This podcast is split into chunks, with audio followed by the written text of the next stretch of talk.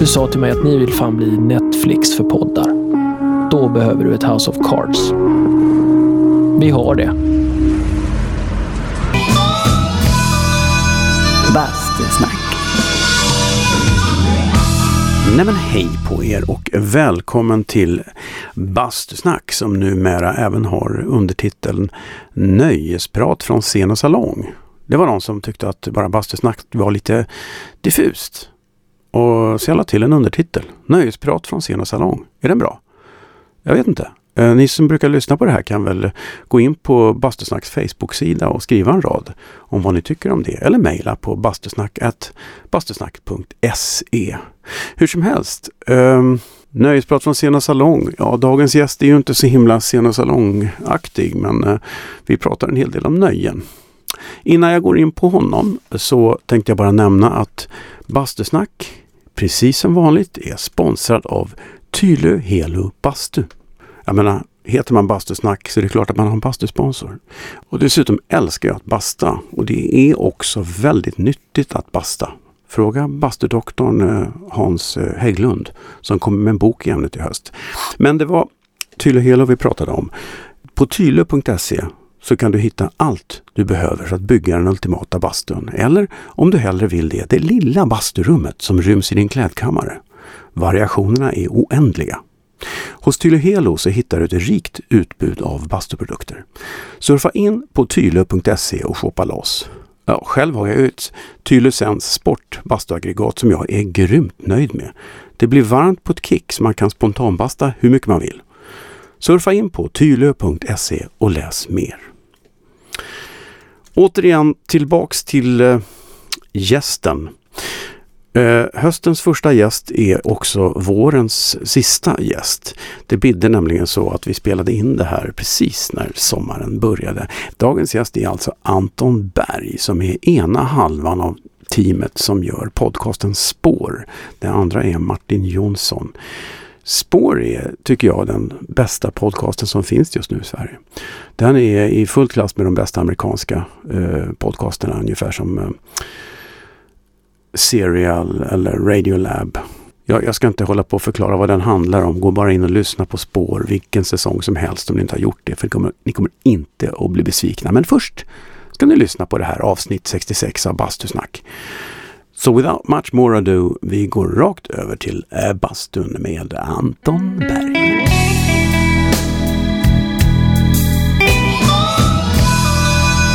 Bastusnack. Du, jag har, en, jag, jag har lite honungsmelon kanske. En Otroligt sån här härlig dag. fräsch. Om man vill Ja. ha fräscht. Eh, och är det så att det pockar på så har jag, jag, har en, jag har lite öl i kylen. Nej men, Jag har rom. Åh, Råkar du har jag råkar veta. Jag råkar veta att you have a sweet tooth Nej men, for... ja. Hur, hur fan kommer det här sig nu? Har du gjort research här? Nej. Våga göra research på dig. Det är ju Mm. du, det är ditt jobb liksom. Ja, Jag tänkte, ska jag klara av det här så gäller det att göra precis motsatsen, det vill säga inte göra research alls. ja, just det. Så att jag vet att du tycker om Zacapa. Vill vi ha en liten kanske? Eller? Alltså, jag säger aldrig nej till en Zacapa. Aldrig.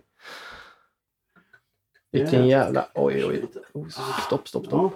Jag ska börja ordentligt. Jag, jag, jag rullar hela tiden och Mm.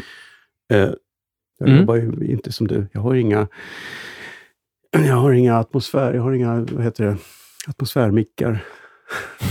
Nej, så- just det, som ligger och fiskar Nej, i precis. hemlighet. Nej. Fan, en gång har vi gjort det där. Ja, ja. Men var det med flit eller var det en Ja. slump? Nej, men det var, vi var ju förberedda. Ja. Så så var det ju. Men vi ville också göra det... Vi gjorde det ju in plain sight. Vi Mm. sa ju det till honom, eller ja, till varandra inför honom, att du kan lägga den där bandan där så ligger den och tar atmosfär. Det tänkte ju inte han på, för han jobbar inte med sånt. Nej. Nej, precis. Nej. Ja, men skål för att det funkar. Ja, Det men det får man ändå. Det, var, det blev bra till slut. Ja, mycket bra. Det är ju inte Mm. fel alltså. Mm. Nej, jag har helt gått ifrån den här macho-grejen att dricka whisky. Jag, har, jag dricker hellre god rom för att det är enklare. det är sötare. Det är bra. Det är bra. Du har inte, du har inte spons, nej? Nej, inte alls. Spår sponsras denna vecka. Ja, det vore något. Ja. Ja. Sitta här och fylla till mitt i granskningen. Precis. Ja, det här är ju jävligt granskande. Jag hoppas du Det här är granskande. tänker ja. på Ja, oerhört. Ja. Eh, Men nu ändå ska du hitta något i din dator här nu. Ja, det är mest bara för att jag kände att eh, man vill ju vara förberedd. Jag har ju haft tre, du är nog tredje journalisten jag har här om jag tänker efter från huvudet. Ja. Det är alltid lika eh, respektingivande eftersom jag inte är journalist. Men så kallar inte jag heller det här för intervjuer, utan jag kallar det här för snack. Mm. Men det är Så att, smart. ja, så har jag liksom skyddat mig. Eh, jag, jag, eh, jag tänkte börja med att säga att jag för ett par veckor sedan, eller vad det nu var, gick någonting som kallades för en masterclass-utbildning för poddskapare på Spotify som Soundtrap höll. Och där ingick det bland annat att man skulle ha ett kvartssamtal med en av föreläsarna om sin podd som man hade skickat in. Och i mitt kvartssamtal så fick jag lite kritik för att man inte förstår min relation till gästen från början. Det tog just det här avsnittet säkert 40 minuter in att jag kände Anders Lundin för att vi hade jobbat ihop. Så då tänkte jag att jag ska göra som den stränge magistern sa och börja med att eh, du kanske kan förklara vår relation. Ja, den stränge magistern var ju jag då ja. Stiligt. jo, men så var det ju. Jag fick eh, i uppdrag att lyssna på ett avsnitt som du då hade skickat med där. Eh, och då skickade du Anders Lundin och det var ju problem kände jag direkt för att jag är ju en helt, jag är otroligt, svag för Anders Lundin. Har alltid egentligen varit på något vis. Eh, jag tyckte om honom i tv, framförallt i radio. Lyssnade på Glädjetåget eh, och Äh, men när jag började på P3 och berättade det för folk på P3, då sken ju folk upp, för han har gjort en så bra intryck på P3, människor också. Så många ljudtekniker jag jobbar med säger ja, Lundin för fan. Så om jag föreslog en idé till exempel som var lundinsk, så fick man genast bifall därifrån. Ehm, men, så det var ett problem när du hade honom som gäst, för att jag kände ju att det här, fan vad bra det här är. Men så kände jag, är det verkligen det då? Eller är det bara för att jag gillar Anders? Liksom? Eller för att du får fram någonting i Anders som jag gillar? Men jag hade, jag hade i alla fall den kritiken att det, det, det dröjde innan jag förstod varför har du valt Anders som gäst? Varför just nu? Det fanns ingen aktualitetsvinkel riktigt som vi journalister brukar hänga upp oss på. Eh, och sen när, när det kom fram att ni kände varandra så bra så blev jag väldigt så här, men det här borde han nog ha sagt tidigt ändå. Mm. Så vår relation är ju att jag har varit en sträng magister. Mm, precis. Då kan vi undersöka att vi inte känner varandra. Nej, det Men vi det kanske blir bra ändå. Ja, jag, alltså som journalist då, nu, du har ju redan berättat att du inte jobbar så, men Mm. där har man ju fått lära sig då redan på utbildningen att man ska inte intervjua vänner för det blir aldrig bra, för man blir för snäll eller man, Mm. man tar hänsyn som man inte hade gjort annars. Man sätter sin kompisrelation egentligen före uppdraget man har att berätta något viktigt till Mm. lyssnaren då. Ehm, så det kan vi ju skita i nu. Ja, just det. Du tänker så ja. Jag Mm. tänker mer som att jag, Du slipper det nu. jag gillar ju när man får fram udda saker men aldrig på gästens bekostnad, som jag brukar Mm. säga. För att, att, Den är att, fin, eh, det hedrar dig. Ja, men jag har ju fått hit ett par kompisar med eh, löfte om att vi kommer att vara kompisar även efter podden har släppts. Mhm. Och det är oftast en nyckel.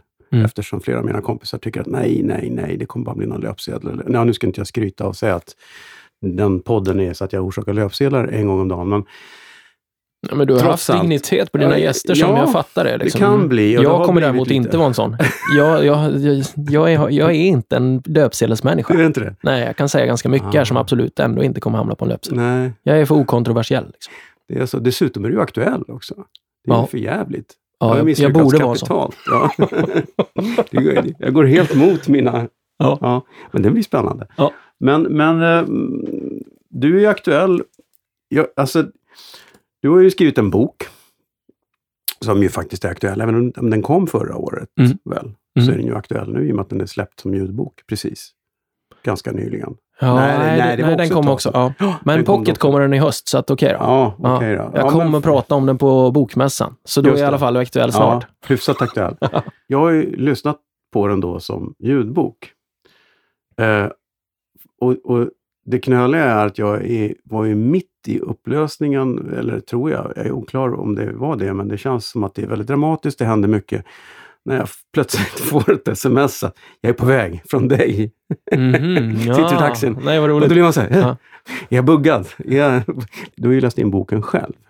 Eftersom man är van att höra det, jag tycker jag blir, jag blir lite kluven här, för att jag är så van att höra dig eh, berätta ganska dramatiskt om, om eh, sanna händelser, eller ska man säga, Mm. dokumentära skeenden som, som, som blir allt mer spännande och så leder det fram till någon form av upplösning, förhoppningsvis. Där man tänker, jaha, var det så? Mm. Förhoppningsvis. Ja.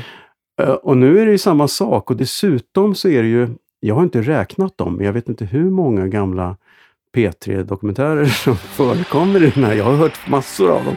Så jag bara, ja men det är ju här Katzfalk, det är ju den där och det här.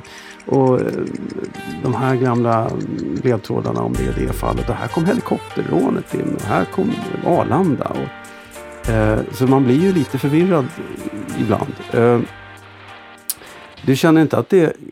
Jag fattar ju att det är en oerhörd inspiration, men du tror inte att det blir förvirrande sen när du släpper nästa eh, säsong av spår? Att man har den här i ryggen, att folk blandar ihop saker och ting? Uh, nej, jag tror inte det ändå. Jag tycker att det är så pass tydligt. eh, det är därför jag skriver som jag gör det tidigt i början av boken också, att Mm. den här boken bygger på en del faktiska omständigheter, men det mesta är rent uppdiktat och vad som är vad ibland kan man inte, det vet man inte riktigt och så är det Mm. i livet också. Men Mm. naturligtvis är det ju små blinkningar där. Alltså hela boken är en kärleksförklaring till P3 Dokumentär Mm. på det sättet att jag...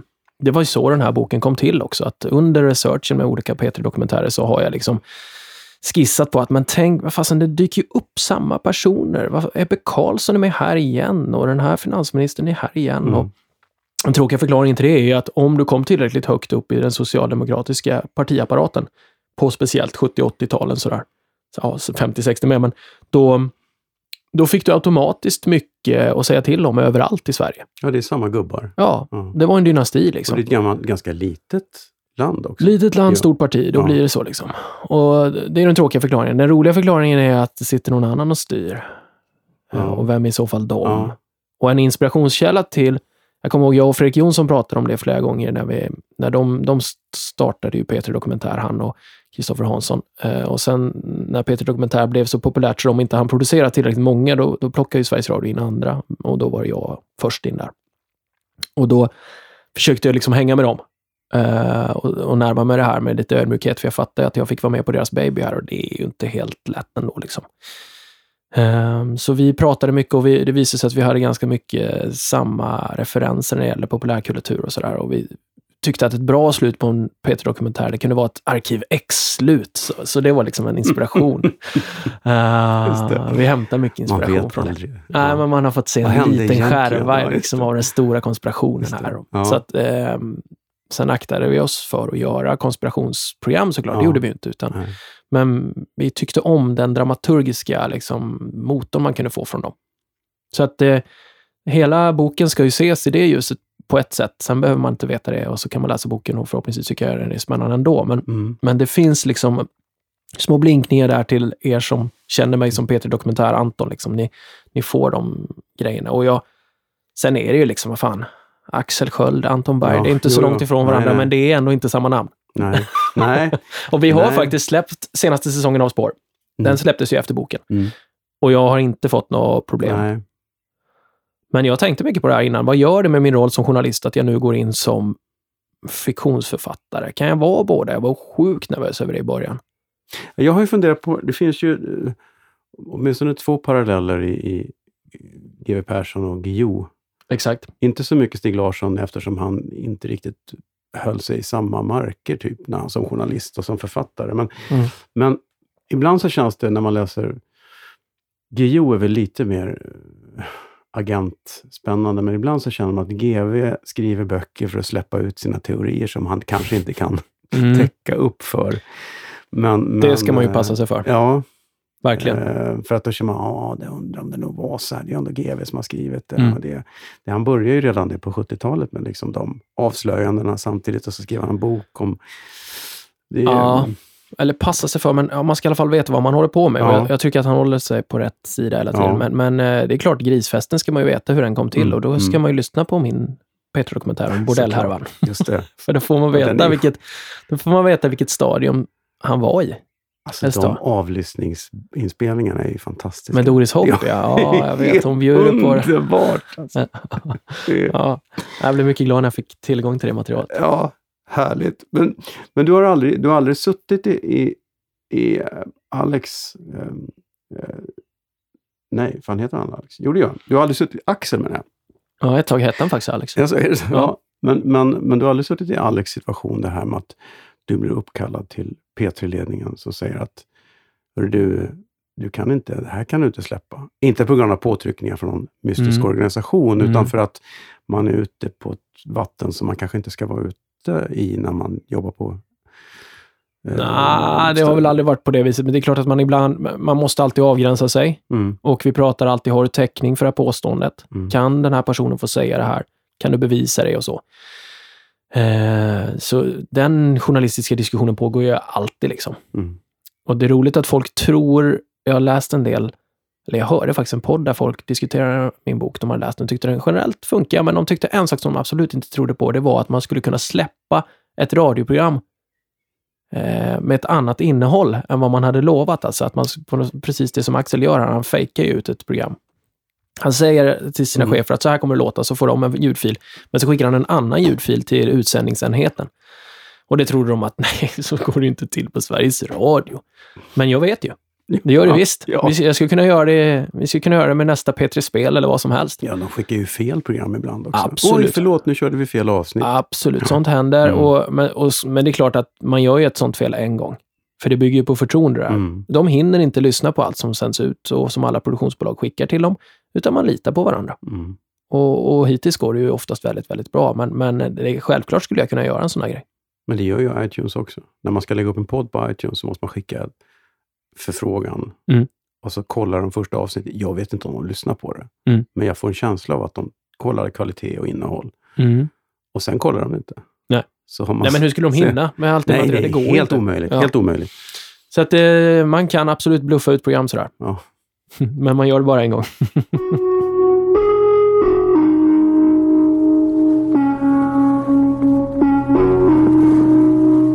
Det är kul med konspirationer, konspirationsteorier tycker jag. Ehm, jag, är med i en, en ehm, det finns en Facebookgrupp som heter Palmerummet. Mm. Ja, det är jag också med. Den är ju helt, den har ju, jag tycker i och för sig att den har ballat ur på sistone fullständigt. Men där finns det teorier som, är, som folk på riktigt tror på, som är helt absurda. Ja. Massa konstiga... Och så finns det en och annan där man tänker, ja, kan ju vara. Eller hur? Ja. Ja, här är det ju effekten av den konstiga teorin som jag tycker, som- jag bygger på att så här, folk kan ha, tänk om någon i Palmerummet som skulle ha en konstig teori plötsligt dör på ett mystiskt sätt. Mm. Jävlar vad spännande den Just teorin det. blir då. Eller hur? Ja, just det. Ja. ja, de är så arga på varandra också. Fan vad de, de Mm. piratspanarna. Ja, men det är tråkigt när, när det blir så på sociala medier. Ja, Det händer ju ibland att folk blir arga där. ja, åh fan, jaha. ja, men det, Det, kolla nu pallar de förbi Ja. här. Du, du Ja. bor ju mitt i Stockholm och ändå mitt i ett paradis. det är spetsnaz. De övar.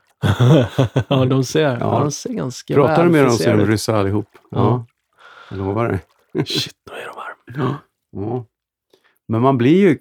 Blir du någonsin... eh, Ja, det blir jag. Eh, kons- ja, alltså- i slutet av varje spår så blir jag, då är jag så inne i den historien. Så då blir jag lite nojig. Sist när vi släppte en säsong som vi släppte, jag minns inte vilken det var, men då i samband med det fick eh, grannen två hus bort från mig inbrott. Och då var jag säker på att det var en av de involverade i vår story som hade försökt göra inbrott i mitt hus men gått fel. Alltså det är ju så ego, det är ju knappt så, det är bara för att jag tycker om nu som jag berättar. Nej men det är ju helt egofixerat eh, förstås. Men jag är så inne i den där världen då så att jag, Fast är det det? För plötsligt så kan du ju faktiskt snubbla på någonting Ja. som verkar vara någonting som faktiskt är något annat.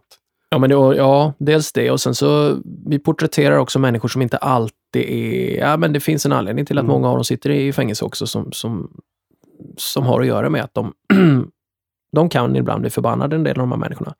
Särskilt om man på något sätt skulle ha varit oklar med vad det är vi försöker göra i vårt uppdrag. Och sånt har hänt, inte mig, men kollegor på P3 Dokumentär. Och då, men där finns det ju då säkerhetsavdelningen som går in Mm. och flyttar på reporten som har hot på sig. Kanske installerar en extra gallergrind i lägenheten och Mm. man får bo på hotell en vecka och så blåser det där över. Liksom. Så att jag vet ju att sånt, Ja. det där är ju en fara. Så att ja, det händer att jag blir lite nojig. Det, Det skulle jag bli. Jag är ju sådär så att jag, om tunnelbanan stannar så tror jag att det är dolda kameran. Men jag tror alltid att det är sånt. Det är också sådär extremt självcentrerat. Eller hur? Nu, nu filmar de mig. The Truman Show. Va? Eller hur? Mm, Ja. Mm. ja, tanken har slagit mig faktiskt. Ja, jag har också varit där. Ibland händer det saker som man tänker att, nej, det här...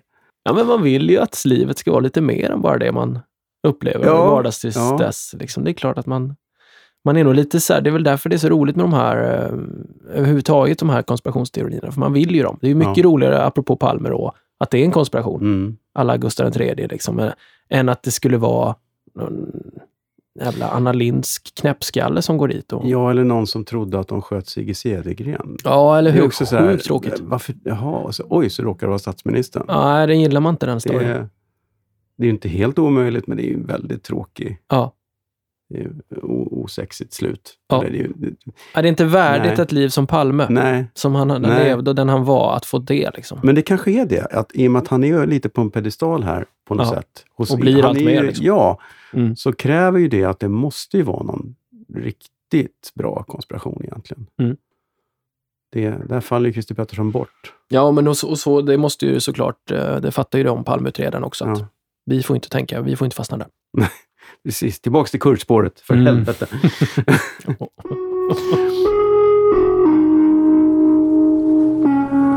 Ja, det här är ju lökigt känner jag. Men du är inte sponsrad va? Det borde du vara. Jag tänkte jag, Ja, eller, ja, eller? Du är inte... det är ju inte det. Vi, eh, jag kan avslöja. Här kommer ett avslöjande. Ja, Du tar fram massa Anton Berg-choklad. Ja, men, precis. Men, men att vi, ehm, när vi körde Sommartoppen ett år, då, då hade vi en massa godis med oss på scenen som vi kastade ut till publiken. Ett sånt riktigt... Eh, ifall ni undrar varför det skrek så mycket i Sommartoppen var det ju inte för att programmet i sig var så fantastiskt bra, utan det var ju för att vi lockade med t-shirts och, och godis och då skrek folk nära publikmikrofonerna. Eh, och då ett år så fick vi faktiskt spons från eh, Anton Berg då. Mhm. Så att vi kastade ut sådana här. Men det var lite det var tungt godis, för ibland skulle det hända då, vid ett tillfälle så skickade publiken tillbaka godiset på oss på scen. Och när vi hade små så här gulliga små Haribo-påsar så Ja. var väl inte en fara, men en sån här har jag ju fått rätt mellan benen en gång, så att jag fick bom.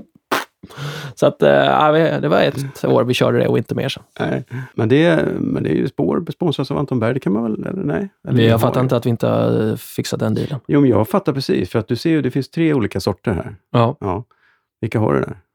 Konjak, whisky och den vanliga marsipan. Ja. Jag tror att det finns nougat också, Ja. men den har du inte. Finns det inte en som absolut fattas? Ja, eller, ja, just det, rom, eller hur? Precis, Skulle haft en rom, ja. precis. Det är ju Mm. den, när de lanserar An- Anton Berg Rom, som... Mm, då, Då, det är då det händer. Ja. Jag ser det. Jag ser det framför mig också. ja, Jag kan se det så tydligt faktiskt, hur det händer. Jag ser dig på bild lite med den Ja, cigarrliknande äh, tingesten. Ja, lite George. Clooneyskt leende sådär. Just det. Jag ser en framtid. Det kommer inte påverka din trovärdighet alls. Nej, det, Nej. det tror jag inte. Nej. Nej, det gör det kanske inte. Jag vet inte, men det var ju, jag tänkte mycket på Gio och hur han har arbetat som journalist och sen började han skriva om Hamilton. Liksom. Det, har, det har varit en sån här, vad fan, man kan absolut göra så. Det, jag, Mm. jag är inte den första journalist som börjar skriva böcker. Liksom. Mm. Och, ehm, han hade också någon, han har sagt någon gång att det var någon ÖB eller någon hög militär som sa åt honom att ja, men håll inte på och forska i de här frågorna. Du som journalist kommer aldrig få några svar ändå kring svenska säkerheten. Liksom. Menar, IB-affären gjorde ju att han fick sitta inne. Liksom. Utan ska du inte skriva lite böcker istället så kan du ju liksom skriva om det här fast ändå inte. Liksom. Just det. Och det var rätt smart, för jag tror att Katarina Wenstam tänker samma sak. Jag har läst någon intervju med henne om att på något sätt så hon gjorde liksom hundra reportage om utsatta kvinnor och hur de liksom våldtas och allt det där och hur, hur rättssamhället har svårt att ta hand om kvinnors intressen eh, på ett rimligt sätt i de lägena. Men hon känner att ja, men jag når ju ändå inte fram till de som verkligen behöver läsa det här, männen liksom. Så att, eh, men om jag skriver en spännande en spänningsthriller där mycket av handlingen centreras kring eh, sexuella övergrepp. Ja, då tar ju människorna med sig mina berättelser på semestern och sitter och läser dem i en Mm. solstol. Och så får de det här till sig. Och det, det är mycket så vi har tänkt med Peter Dokumentär också, att vi, vi tänker ju att varje historia i sig ska ju vara spännande. Eh, Det ska in, den, den kom ju till som någon slags eh, antites mot hur dokumentärer lät just då i, i, Sveriges Radio, för det var egentligen bara P1 Dokumentär. Vi vill ju ha lite fart liksom. Mm. Eh, men då men vi vill ju ändå vara angelägna, så att historierna skulle ju ändå berätta, det skulle vara viktiga stories. Men de skulle ju inte vara viktiga på det där tråkiga sättet. Eh, man skulle ju lyssna från A till Ö såklart. Så man var ju tvungen att använda dramatiken i de här historierna, men så, så skulle du ju ändå få med dig något på slutet då. Till exempel, hur överlever man egentligen ett fartyg som förliser? Men det kan man ju inte säga. Här, nu ska du få en, nu ska du få en Mm. trevlig historia i två timmar om hur man överlever ett fartyg som håller på att sjunka. Nej, utan då får man ju hänga upp det på det här bogvisiret var det mystiskt tog vägen och Estonia och mayday, mayday, sådana ljud liksom. Mm. Så kanske du tar med dig efteråt när du har lyssnat. Oj, vilken spännande historia och nu vet jag hur jag själv skulle ha tänkt. Peter Dokumentär är ju uppbyggt, eh, vi pratade ju om det också på den här kursen, att du gillar ju att bygga, bygga upp det som en film. Det är ju väldigt filmiskt upp, Mm. uppbyggt. Då, då- jag kan förstå att om man, om, man, om man har någonting som Estonia så har man ju en, en, en start och en mitt och ett slut. Alla vet hur det gick eh, Och ändå vill man höra. och ändå vill man höra och ni har ett sånt om, extremt omfattande källmaterial att gå och titta på, till skillnad från vissa andra grejer ni kanske jobbar med. Mm. Hur, hur, hur går ni tillväga, är jag nyfiken på, för det är ju sånt jävla stor boll att greppa. För vi all, ja, man, man, man vet ju, när du går in i det där så kanske du har, känner till ungefär lika mycket som alla andra gör med Estonia. Mm.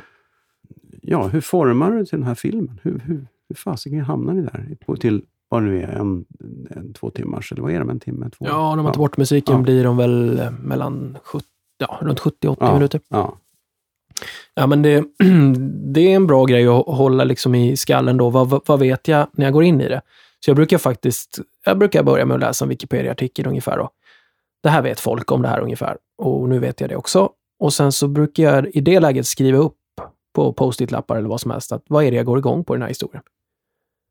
Eh, för det är det som lyssnaren också antagligen kommer gå igång på. När den, för sen börjar jag göra min research och jag lär mig massa saker. Så i slutet av researchperioden då, så då vet jag ju massor. Och det jag går igång på där kan ju vara... Det är inte riktigt samma sak som, som lyssnaren kommer att gå igång på. Lyssnaren har inte den här kollen, så jag måste liksom gå tillbaka då. Och det är svårt att oveta saker som du har fått lära dig ju.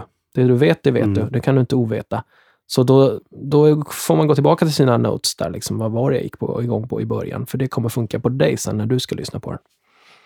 Så det är en sak, att liksom på något sätt dokumentera sin egen arbetsprocess lite, om man ska använda högtravande ord. Jo, men att veta vad man inte visste. Mm. Alltså, Ja, just det. Och sen kunna lura in sig till ja, men precis. För det här är ingångsvärdena som du kommer ha ungefär när du Mm. träffas av den här historien. Vad, vad kan du vara nyfiken på då? För sen kan man ju förstå att, wow, jävla livet om bogvisiret, det visar sig att det var ju fan ointressant. Eller om man ska ta i fallet Kaj Linna, de här jävla byxorna som var så jäkla skitspännande då, tyckte åklagaren de första två åren. När man hittar dem igen sen, då var de plötsligt oviktiga. Ja, Mm. men då, då förstår man ju efter ett tag att mm, det där kan jag inte göra en sån stor poäng av, utan det där måste få vara ganska oviktigt. Liksom. Eh, ja, nu är, virrar jag in mig i olika mm, spår och uh, Peter dokumentärer. Ja, men, nej, men, ja, för jag ser en skillnad på de där. Jag ser, Mm. Estonia känns det som att eh, om vi nu är överens om att det inte var en konspiration och konstig rysk maffia som sprängde, alltså man kan släppa Mm. hela det. Om vi kan utgå från att olycksteorin är, stämmer, Mm. så är det ganska väldokumenterat och case closed. Mm. Kaj Linna, där visste ni väl inte allt när ni gick in i det? nej. Och det är ju en jätteskillnad. Ja. det, ju, det måste vara två arbetssätt. Att Estonia har ni ju start, mitt och slut och så Mm. hittar ni... Vad, vad, vad, vad kände du var twisten med Estonia som inte folk... Den har inte jag gjort. Eh, men, men, jag kommer Nej, ihåg hur, nej, men jag kommer ihåg hur snacket var i korridoren bland en del. Då, att, men vadå, har ni hittat bogvisiret där? Eller varför ska ni göra den storyn? Eller, nej, det är inget som är nytt. Det är inget som är nytt. Liksom. Nej, men varför ska ni göra storyn då? Ja, men vi ska göra den på vårt sätt. Liksom. Och det var ju också, när man säger att det är inget som är nytt, då måste man genast lära oss ställa motfrågan. Nytt för vem menar du? Menar du att alla känner till allt om Estonia? Är det det du säger? Bara för att det har skrivits om de här sakerna någon gång så kan man inte göra om det, eller vadå? Mm. Det är liksom... Det där fick vi ju fort försöka...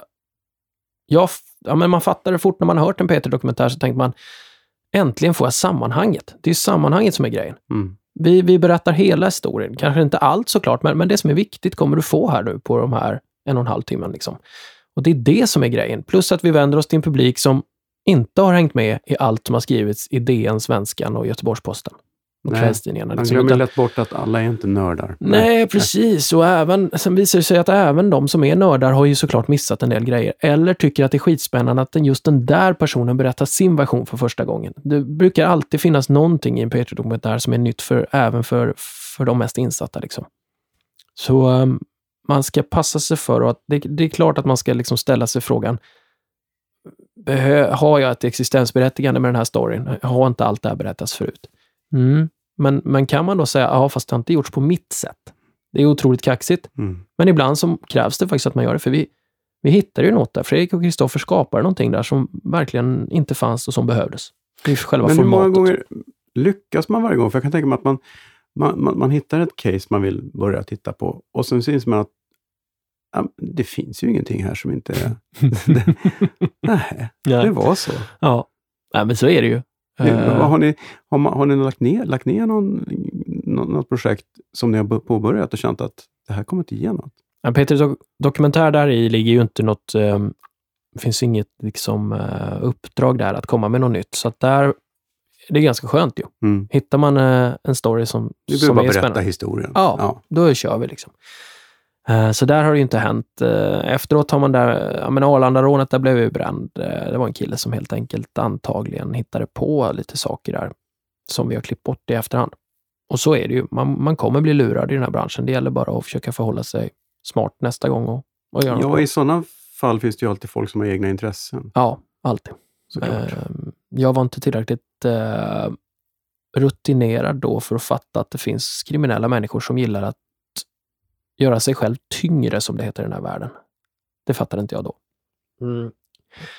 Eh, Men i spår så visst, där vi behöver vi en historia som klarar av att berättas, att, att den håller i fem avsnitt. Liksom. Mm. Att den är tillräckligt komplex helt enkelt. Eh, Och intressant.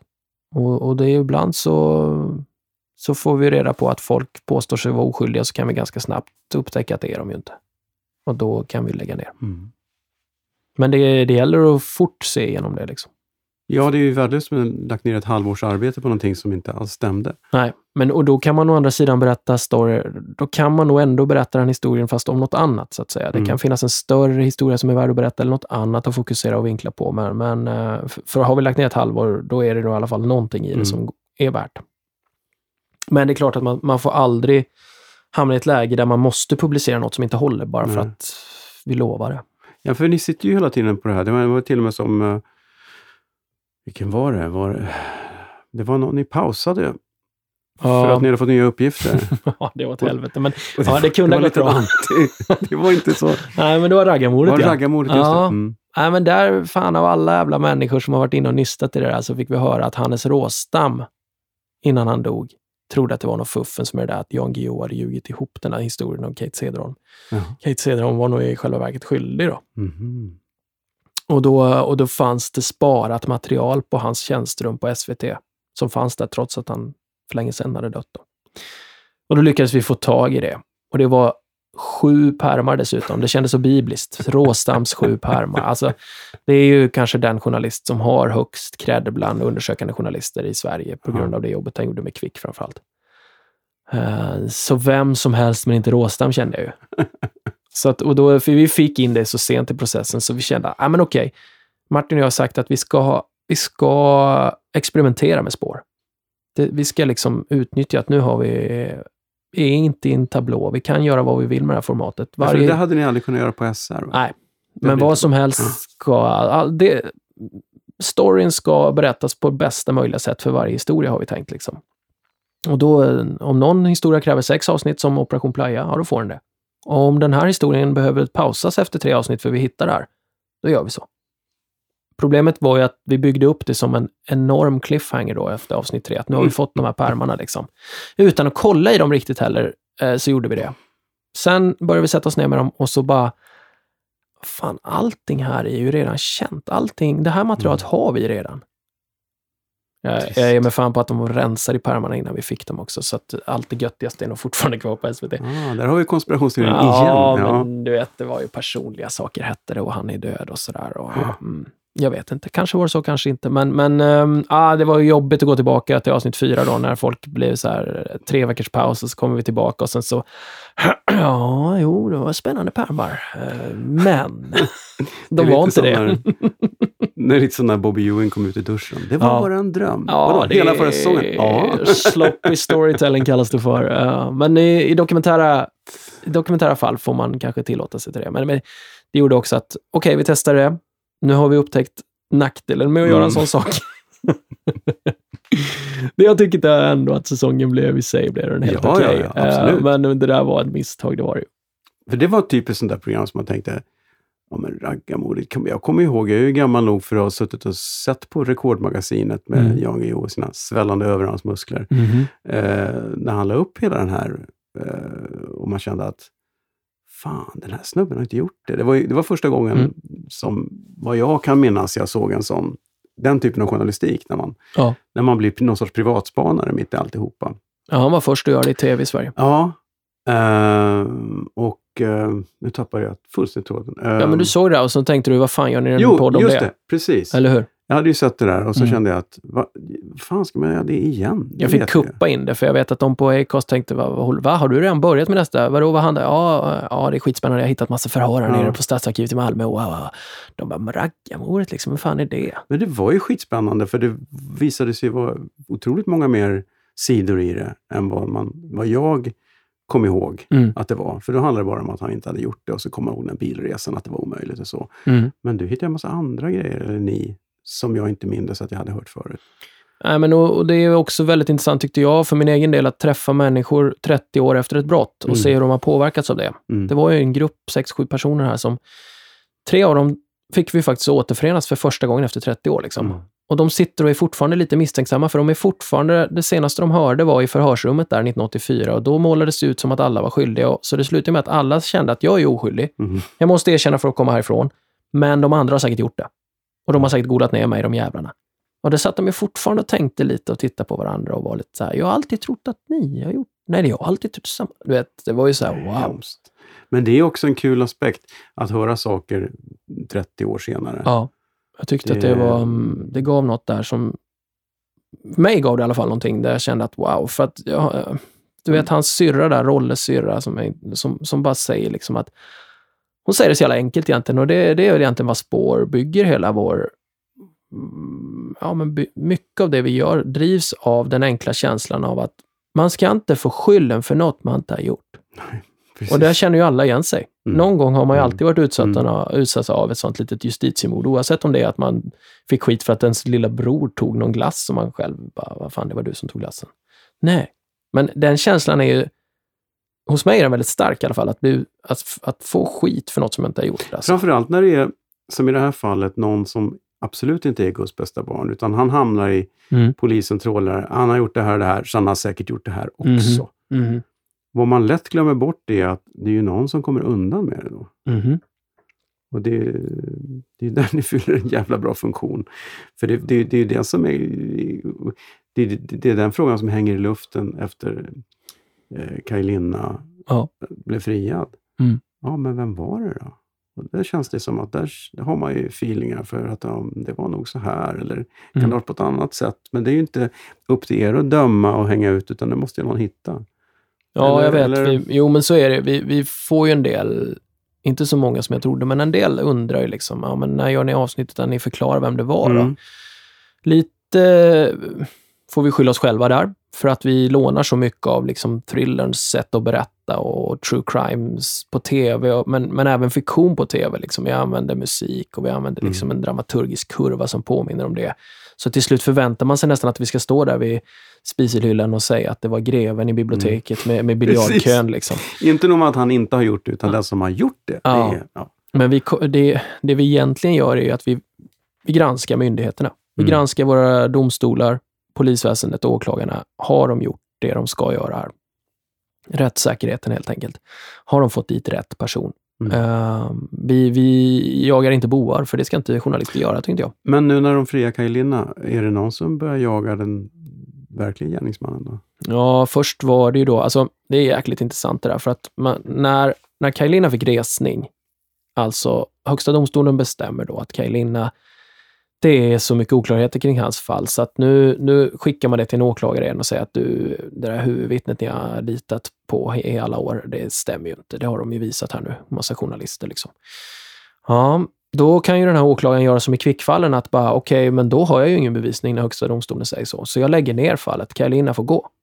Men så gjorde han ju inte då, utan då men för att undvika jäv så skickade man det till Umeåpolisen istället för Luleå som först hade utrett det. Luleå och Piteå tillsammans. Utan nu skickar man det till länskriminalen Umeå. De börjar förhöra och göra ett mycket bättre polisarbete, men man utgår fortfarande från att Linn är skyldig på något vis.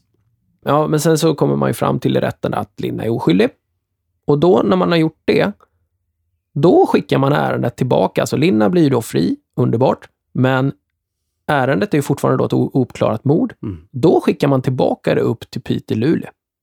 Och då, så då spelar det, det samma folk som jag en gång har...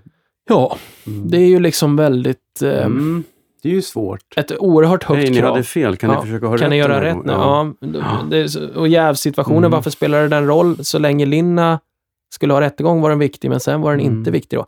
Men det som har hänt nu bara den senaste tiden här, det är att eh, Kalla fall har tagit över. Mm. Och då är det Stockholmsbaserat tror jag. Så då slipper man i alla fall att poliser som en gång var involverade i det här fallet mm, ska liksom låtsas jobba med det igen. Då.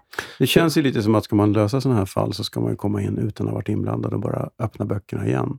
Vad ja. har ni då? Ja, om ja. det inte är någon som jobbade med det som hade en hunch någon gång. Att ja, jag tror att de löste Helenmordet där nere till slut ja. och att det var originalpersoner som var in. Men det var andra sidan aldrig uppklarat utan det blev uppklarat efter lång tid.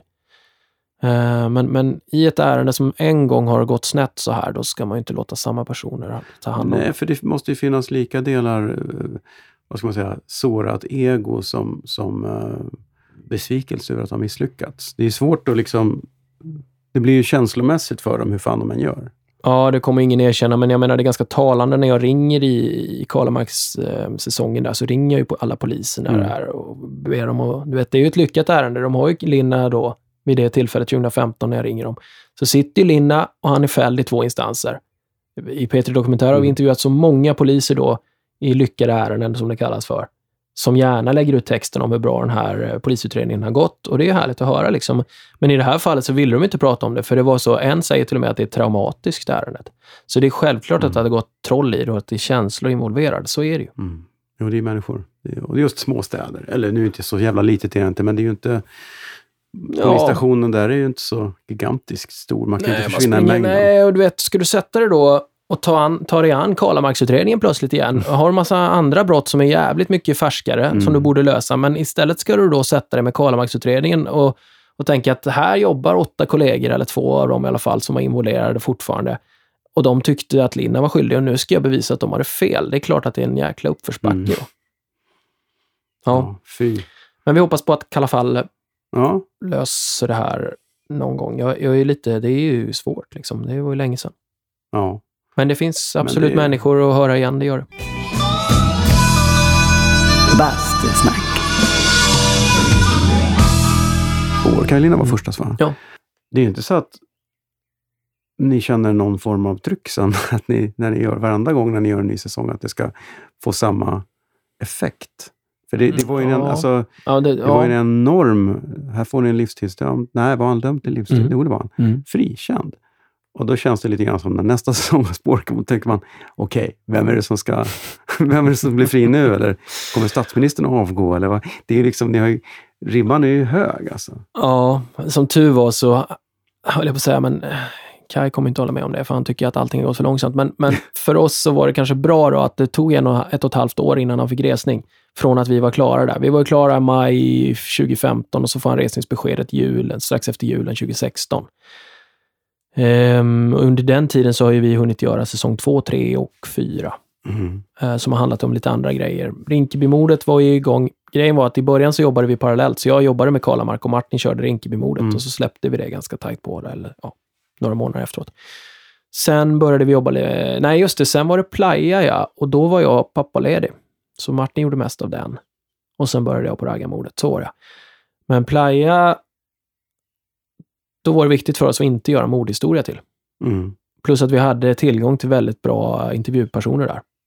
Så den knarkstoryn kände jag var bra för att bredda spår. Ja, den är ju också väldigt kul. Eller vad ska man säga? Ja, Som lyssnare är den ju Ja, fascinerande. ja så det är den. Och den Det vi finns så mycket oss... människor som är så dubbelbottnade där. Ja, det gör det. Eh, De som är goda är inte riktigt så goda som man tror. De som är onda kanske inte är riktigt så onda som man Nej. tror. Och och det där fascinerar mig ju för att ja, jag tror inte på goda och onda människor. Jag tror på gärningarna. Men, men vad som får folk att begå gärningarna är ju alltid spännande. Mm. Och Det är också spännande med... Ja, men eftersom det inte fanns några dödsoffer där heller så tillät vi oss att gå lite längre i... eh, Musiken är lite gladare liksom. Det, det är lite mer storytelling-glädje där i den Mm. storyn. Den är inte lika mörk liksom. Även om att, vet, ska du smuggla ett ton kokain i din båt, det är klart att folk kommer på sikt ta skada av det. Det är knark liksom. Mm. Det är lätt att glömma det, eller lätt att tro att det där är härligt med en partydrog och gud vad fan, ingen, ingen tar livet av sig av lite kokain. Det är väl ingen som dör av det.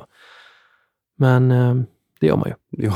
Definitivt. Inte minst vid smugglingstrafiken så dör ja, folk. Ja, ja. Det är fint att den här Narcos-serien har gått så bra på Netflix så att folk får se hur det, Mm. liksom effekterna av det jävla knarkkriget och hela skiten. Liksom. Mm. Mm. Ja, den är skitbra. Den Mm. gillar jag. Ja. Det, även om man till slut känner att nej, men nu kommer en säsong till, jag orkar inte Nej. se fler människor som stoppar plastpåsar över huvudet och drar åt. Och, Nej. nej, Nej, man blir mätt av det, ja. Jag håller helt med. uff. Men och därför har det också varit viktigt för oss då att försöka liksom komma ifrån den här... För jag kan känna att vi blir pojken som ropar varg. Jag tror att vi kan hitta tio fall med människor som, verk, som både är felaktigt och faktiskt oskyldigt dömda. Mm. Ehm, det tror jag absolut. Men jag tror inte vi kan berätta tio sådana historier rakt på varandra. För att det, det tar, folk tar inte till sig det då. Nej. Då blir vi pojken som ropar vargen. Mm. Vem, vem ska ni Mm. fria nu? Mm. Vi Det känner redan att man har ett jättemotstånd så fort man påstår som journalist idag att det finns, att det finns poliser som ljuger i rätten. Fastän vi har flera dokumenterade fall av det. Mm. Så varje gång man säger ändå så är folk, nah, jag kan titta på en Hollywoodfilm och tycka att ja, det gör de ju och fan, Mm. vad, fan vad verklighetstroget det här var. Men så säger man det, ja. Och med rätta så ska vi ha svårt att bevisa det. För att det är en oerhörd anklagelse. Men ibland så tycker jag att, mm, kom ja, igen. men det är inte Varför så... har ni sånt otroligt förtroende för vårt rättsväsende? men det är ju bara människor det också. Det, ju- Mm. det glömmer man ju fort bort. Mm.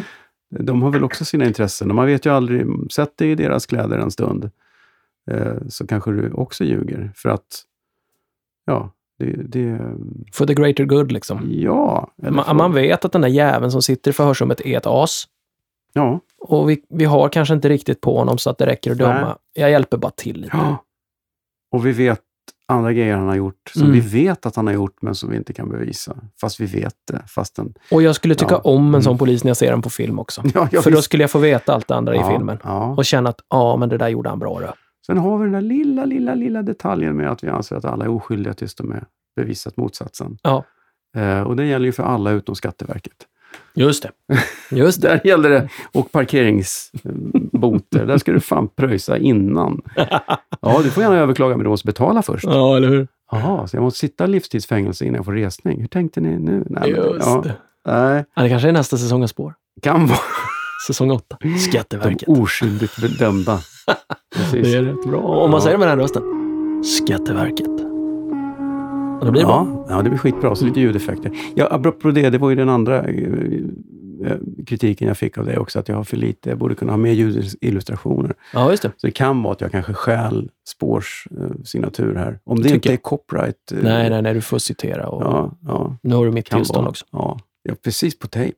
Ja. Ja, ja det, kan, det här kan bli ett annorlunda bastusnack. Om det nu heter det fortfarande sen, för det var också en sån kritik jag fick. av Ja, men det är ju ingen som... Alla fattar ju att man inte sitter i en bastu ju.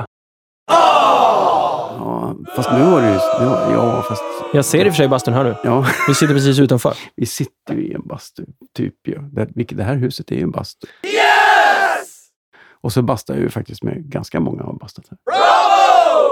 Ja. Ja. Det ser jävligt trevligt ut måste jag säga. Ja, det är väldigt trevligt. det, eh, bara den här loungen är trevlig i sig, men sen, Ja. nej, du, det här måste du vara nöjd med.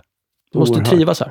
Det bästa av det här, vet vet, vad det bästa med det här är? Att den här är byggd av pengar som jag har fått som skatteåterbäring.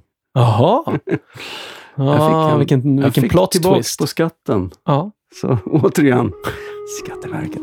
Ja, The men- podcast. ja eller hur? Men nu blev det ju genast... Nu blev de, Ja. nu blev de komplexa, Ja. för nu gillar vi dem plötsligt. Precis. Man vet inte. Men du fick ingen ränta på pengarna som de hade ett tag för mycket, eller? Jo, Får man det också? det får man tror jag. Shit, vad ja, kan sånt man. man. Sånt här kan inte jag. Jag är så Nej. enormt Nej, men dålig inte jag på heller. ekonomi. Jag, jag hade ju en skatterevision. Jag har råkat ut för skatterevision. Jaha. Det är ju ing, all, alla snackar med va? Det är ingen som råkar ut för det. Jo då. Jag fick ju åka dit och ha ett möte, ta med min lilla perm Jaha. Med alla mina fakturer och verifikationer och guidenomsmått. Och det är klart jag inte hade det eftersom 80 det ligger i datorn eftersom man köper allting från Klarna och gud vet vad de heter. Ja, det där är mäckigt. Så de fick ju spesa vilka de ville titta på till slut. För jag sa, jag kan ju inte, jag kan inte hålla på och printa varenda liten iTunes 9 kronor. Liksom. Det funkar ju inte. Nej, där får de Ehm, faktiskt komma in i matchen. Men eh, det slutade med att eh, jag är skyldig dem 1200 spänn i moms efter att de har gått igenom hela förra året. Du måste ju också ha en jävligt intressant bokföring. Du måste ju ha, liksom om man går igenom, vad fan är det här? Jo, men vi var tvungna att köpa en flaska rom här för att han skulle snacka. Ja, nej, men då är, där är vi skittråkiga faktiskt. Är det så? Ja. Jaha. Eh, det finns många som påstår att de vill ha pengar eller, eller vill ha det för Ja. intervjuer och säger vi blankt nej direkt. Ja, det kan jag förstå, men jag tänker mer ändå omständigheter som, är, som gör att... Jag gör ju inte så här.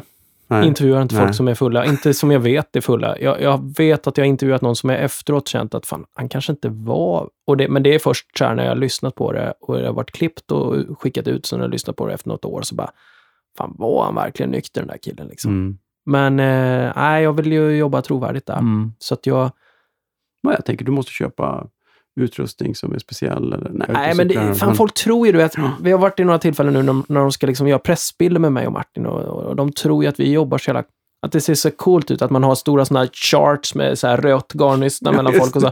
Ja, men det där, nej. Vi, post-it. spon- Post-it-lappar ja, ändå? det har vi. Ja. Mm, men det är så roligt blir det. Ja. Så roligt. Ja, det är så roligt det Ja, blir då, om du ja. ska kolla min. Fast eran profilbild på spår, det är Ja. ändå jävligt mycket kvällstidningsmurvel-looken. Sådär, Ja, jag. men vi hade, som, vi hade två referenser när vi gjorde den där, för vi tänkte nu ska jävligt, vi ska ta i nu. Det är skjutjärn liksom. Ja, men det Ja. ska vara alla presidentens män och det ska vara den här eh, True Detective som vi tyckte var så jävla snygg. Ja, just det. Och det, därför blir det ju lite så här, vi ser ju lite ut som två snutar också. Det är ju inte riktigt meningen, men vi, eh, vi ska se ut som två jävla genomarbetade journalister som bara vi, vi tar nattpasset, vi läser en perm till om det är det som krävs. Ge mig en rom för fan. Ja, så kör vi. Men eh, vi fick, ja, den fick jag prata om med Filip och Fredriks Breaking News. Var så här, "Ja, är det så här poddar ska se ut nu? Wow, wow. Men eh, jag är glad att vi gjorde den där. Den blev... Den har det nog bidragit. det till att det funkar, liksom. Ja, det är en jättebra profil. Man, man förstår varumärket Mm. snabbt. Men det hade ju inte gjorts likadant om jag hade varit på Sveriges Radio. Bastusnack. Du uttryckte en liten, jag ska inte säga bitterhet, men, men jag, kände, jag kände att även om du hyllar Peter Dokumentär för allt det här så, så känner Mm. jag att, att det här problemet med att ni inte ägde ert material var en liten black om foten. Nej, men jag vet inte. Det var ju... När vi utvecklade spåret så var det ju först med tanke på Sveriges Radio, för vi jobbade mycket åt dem. Eh, och det fanns egentligen ingen annan som köpte journalistik på det viset. Eh, 2015. Eh, hade man en dokumentär radioidé eller ljudidé så var det ju Sveriges Radio. Men vi, vi, vi kände att vi hade... Ah, just då hade vi inte en jättebra relation när det gällde P3 Dokumentär och så med dem. Eh, och sen så kände vi liksom att om vi kommer med en skitbra idé här nu, då, då vet vi ju, om de kommer köra sitt standardsnack, liksom, kommer det ju hamna i... Ja, men risk, ja. Det blev i alla fall så att de, de ville ju såklart äga allting. Mm. Och då sa vi att det här har vi inte snackat om. Vi, vi, vi går inte med på det. Vi, vi, varför, varför förutsätter ni ens att ni ska äga allting hela tiden för? Det är ju... För ni var inte anställda, ni var frilansare. Ja. Jag har inte varit anställd där sedan 2003. Men det, jag tror inte det är någon som är anställd där faktiskt.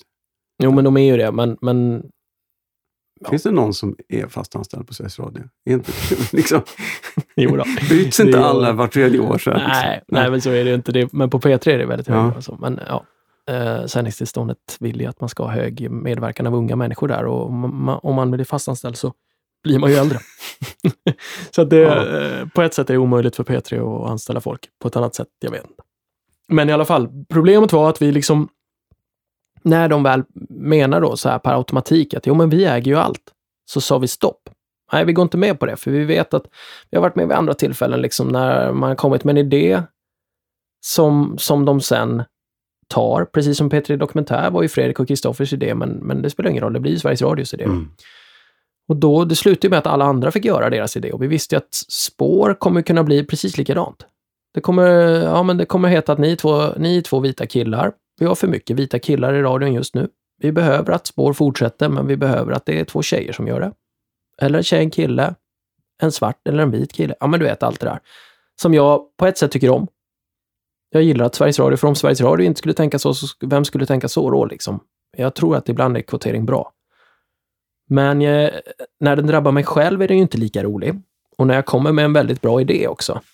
Men jag jag inte- tycker också att man kan göra lite distinktion. Om man har kommit med idén Mm. så måste man ju för fasiken, även om man inte äger den, så borde man ha någon form av beslutande rätt hur den ska utföras. Mm. Om de väl har köpt in den, tycker jag. Nej, men så är Jag det menar, inte. Det är ju ingen som kommer och, och uh, vågar ge sig på Ingmar Bergman och säger Hörru du, eh, kan du klippa ner den här radiopjäsen en halvtimme? Den varit lite lång. Ja, det, jag vet faktiskt inte om de hade gjort samma sak med honom, men jag vet att eh, på Radioteatern är det ju samma diskussioner. Ja, Men det är så? Ja. Ja, nej men och då, då sa vi stopp helt enkelt. Vi går inte med på det. Och sen så gick vi till Acast. Mm. Där vi hade, jag hade ett bra första möte om en annan grej med, med Carl Rosander som då var en av delägarna och grundare. Så sa jag, jag har aldrig varit bra på att sälja saker riktigt så, men jag, jag var så förbannad där så jag ringde honom och sa att du, du sa till mig att ni vill fan bli Netflix för poddar. Då behöver du ett House of Cards. vi har det.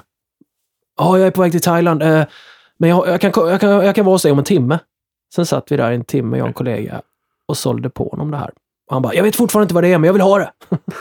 Det är underbart. Ja, så att det, det blev bra eh, på många sätt. Eh, det, det var inte riktigt bra för vår relation ett tag där med Sveriges Radio, för de var inte vana vid det här. Och vi skötte det inte... Vi, har heller all, vi är inte heller vana vid det här. Att liksom inleda ett, mm, någon form av samarbete som vi sen känner att nej, det här funkar inte. Men det är var- ju inte de första, jag menar, man, kanske radiomässigt, men titta på SVT. Mhm. Det tycker jag händer hela tiden. Ja. Just det här att... Jo, men Folk- i, i radiobranschen så har det ju hela tiden, även om vi släppte monopolet fritt 87 så att kommersradion satte igång då, Mm. så har det fortfarande varit ett kvalitetsmonopol. Alltså. Mm. Som radiojournalist så har du inte kunnat vända dig någon annanstans. Nej. Och nu gjorde vi för första gången det. Och då, och, då det var man ju inte van vid någonstans. Men det är väl för, kanske för att möjligheten finns. För att all form av pratradio och sånt där som har försökts inom den fria eller, Mm. reklamnischen har ju, det har ju gått under. Ja. Det är ju liksom bara skvalet som funkar. Nej, men Tyvärr, det, det, fanns ju någon som, jag har inte kommer ihåg vad den hette. Det fanns ju en pratradiokanal ett tag. Radio 1 som MTG testade bland annat. Ja, Ja. Oj, då blir man lite lycklig. Ja. Men nej då, det försvann. För det var väl tydligen inte tillräckligt. Vi hoppades ju på att de skulle köpa reportage Ja, och grejer, men nej, ja. nej, nej, nej, det var för dyrt. Men eh, nej, men det är ju podden som gör det. Ja, Det är nu det händer. Nu kommer egentligen radiorevolutionen. Det är nu, alltså det har aldrig varit så roligt att vara radioproducent som nu. Mm. Så att jag, jag tycker att det är toppen liksom. Och, och allt det där. Ah, när, man, när vi snackar med VD på Sveriges Radio, som är, när man äger ett produktionsbolag så får man träffa VD. Mm. Eh, och det är väldigt trevligt. Eh, hon är ju skitbra Silla. Och, och hon, de har ju liksom en jättefin syn på att ja, men det är klart ni ska ha andra uppdragsgivare, det tjänar alla på. Ni får, in, ni får liksom input. Så här. Sen vill vi så självklart att ni kommer med de bästa idéerna till oss. Mm. Ja. Eh, och där, Jo, men där kommer man kanske- inte alltid överens bara, det är ju bara så. Men det kanske kan vara så att om ni behöver riktigt stora resurser någon gång så är det där dit man ska gå. Ja, ja, visst. För ni, ni andra, jag, jag tänker så här, spår, det är jävla avancerat upplägg och det är snyggt klippt och tänkt och manus och eh, effekter, musik. Är det bara, är ni, hur många är det som gör det? Ja, det är det bara ni två? Martin och jag gör nästan allt. Sen har vi en researcher som är duktig och sen så Acast är duktiga på PR och den biten liksom. Vi behöver inte bry oss så mycket Men om jag det. känner, jag menar själva programmet, för det Nej, är men det är Martin och jag. Det är Martin och jag, ja naturligtvis super-ljudteknikern Jonas Sjöberg som får det att låta bra till slut. Men han får ju våra färdiga projekt. Så vi lägger ju vi lägger hur allting, hur vi vill ha det. Vi lägger bakgrundsmusik, effekter, alla intervjudelarna som vi klipper och hur, vårt eget manus och hur vi läser in det. Sen får han projekten och sen så ser han till att det låter bra. Ett gigantiskt arbete. Ja, jättekul. Jag vet ju hur lång tid det tar att göra bara den här lilla skitpodden. Alltså, det, det, Ja, men klippa det- ett avsnitt brukar ja. ta fem arbetsdagar. Va? mm, Då är ett avsnitt kanske 35 minuter. mm. Eh, ja, någonstans där. Och sen, eh, ja, sen så går han igenom ett avsnitt. Det tar en dryg dag för honom. Mm. Ja, ja, Men det, jag, jag älskar ju radio på det sättet att man kan faktiskt bli duktig på allt det där. Sen, sen sista har jag inte bra, alltså det här med pluggar och sånt där, det har jag inte lärt mig. Utan det lämnar jag med, Ja, ja. med varm hand över till. Jonas, för jag vet att det är ingen bättre. Men är det, du är ju också, har jag förstått något av, du är ju lite så här perfektionist. Du släpper ju inte saker som du inte tycker är så bra som de bara kan bli. Jag tror du sa det, varför göra en halvbra podd när man kan göra en skitbra? Mm, har jag sagt det? Ja, du har sagt det.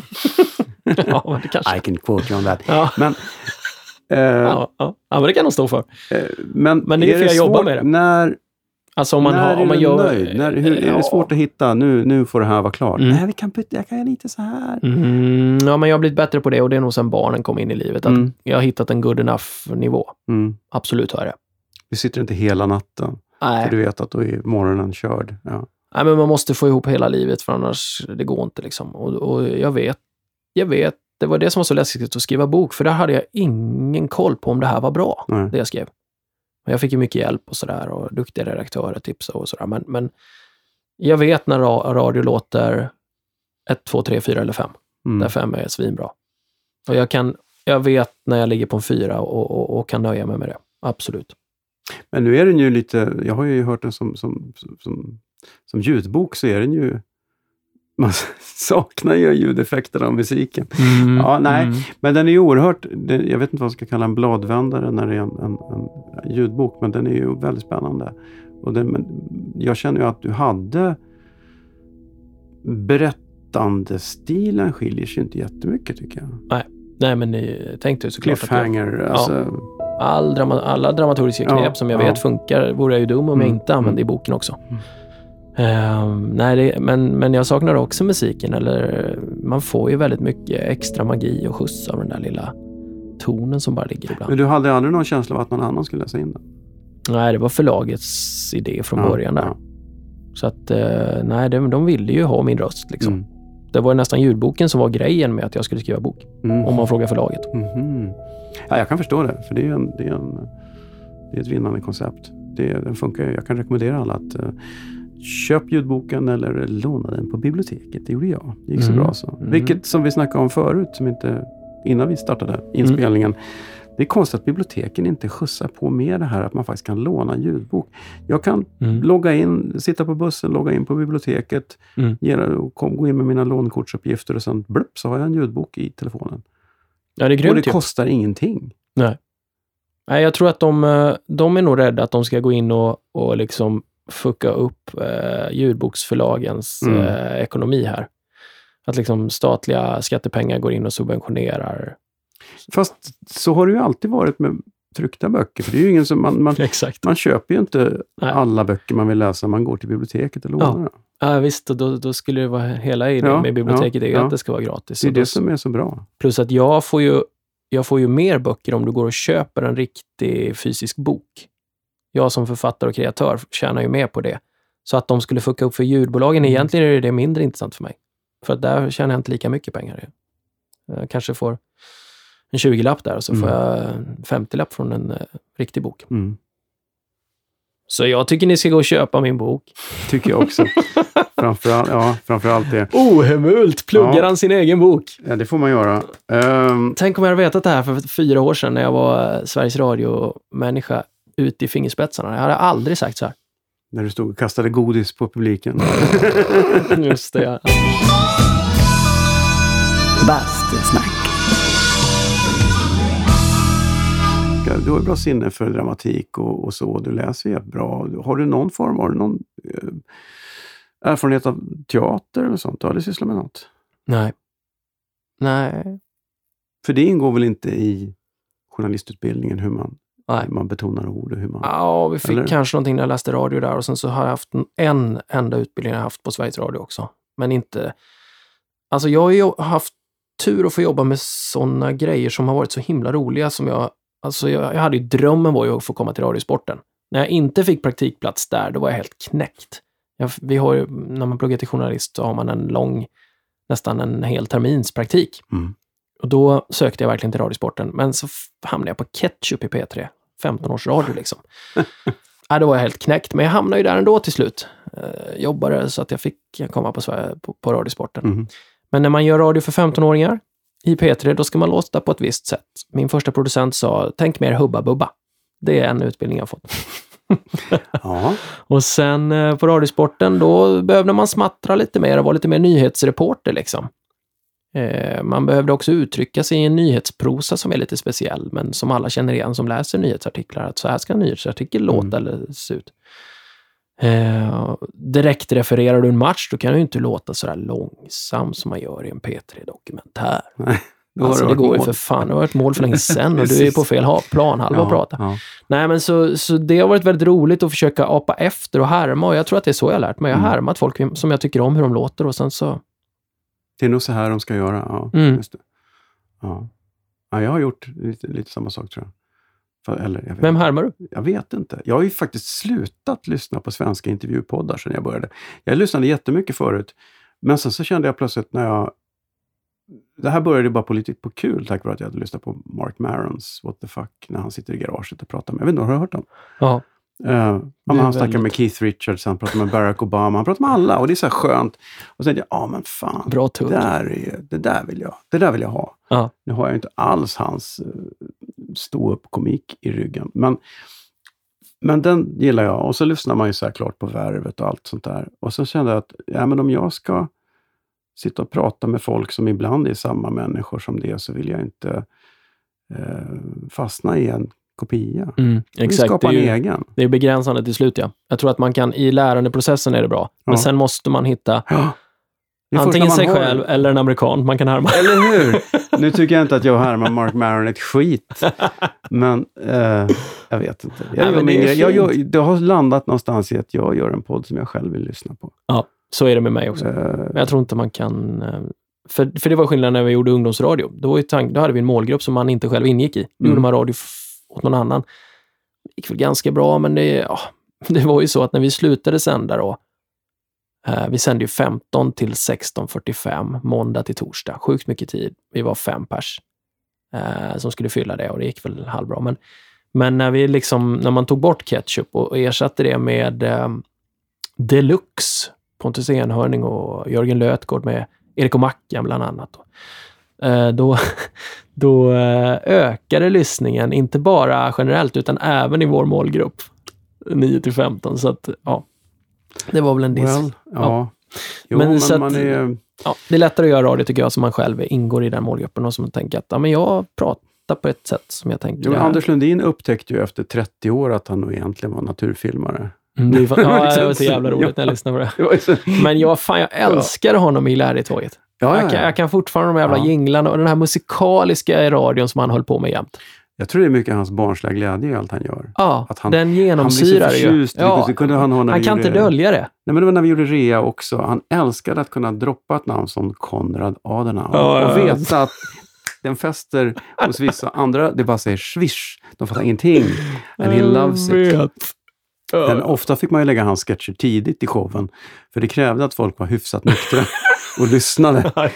För att lägga en sån typiskt pratig Anders Lundin-sketch i slutet, det håller inte. Liksom. De orkar aldrig. Men, eh, Alltså, vi snodde ju rakt av hans den här rebustävlingen som de gjorde i. Ja, Man, liksom, man spelar upp en låt Ja. och så vid ett visst ord som sjungs i låten så spelar man upp en ljudeffekt som täcker det ordet. Och då ska du lista ut vilket ord har vi gömt och det är första ordet i rebusen. Och så gjorde vi då med varje vecka det här programmet som heter P3 Star av alla jävla skitnamn. Ja, men det var så mycket som hette P3 Star. Det var en community, det var en kanal, det var två olika radioprogram. Eh, det går ju inte. Nej, det är lite ologiskt. Idiotiskt. Ja, Men ja, i alla fall, då, då, då, då snodde vi den där, för jag hade samma ljudtekniker, där, Mats Ekman, med Ek. Så att han tyckte det var svinkul också. Att vi återupplivade den där grejen.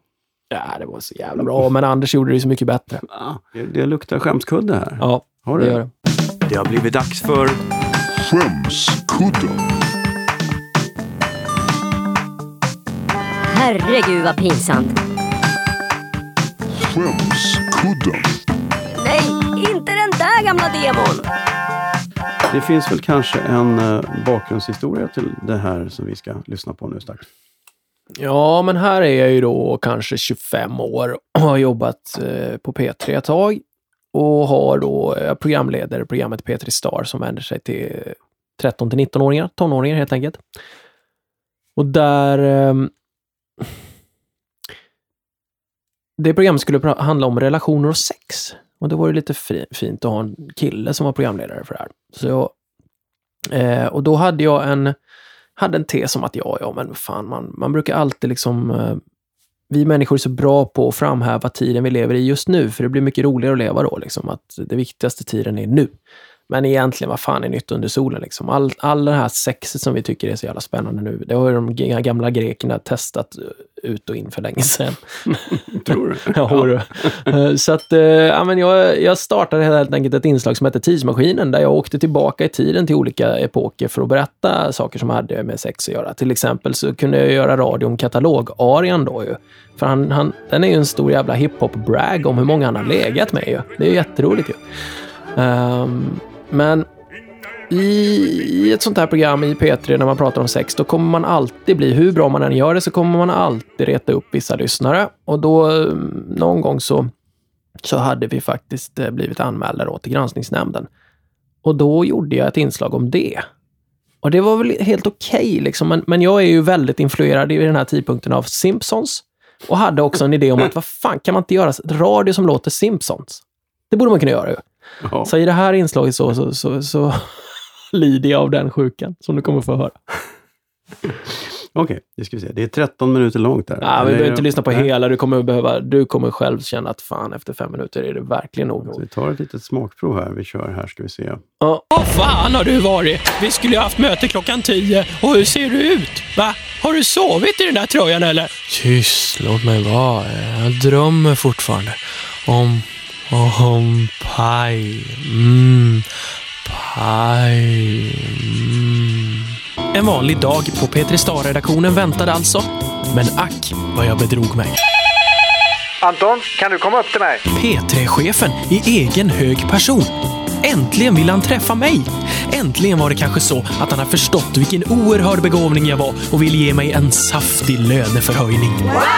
Jag svarade med kaxigt självförtroende i stämman. Jaha, okej, eh, nu eller med detsamma? På P3-chefen Dan Granlunds kontor.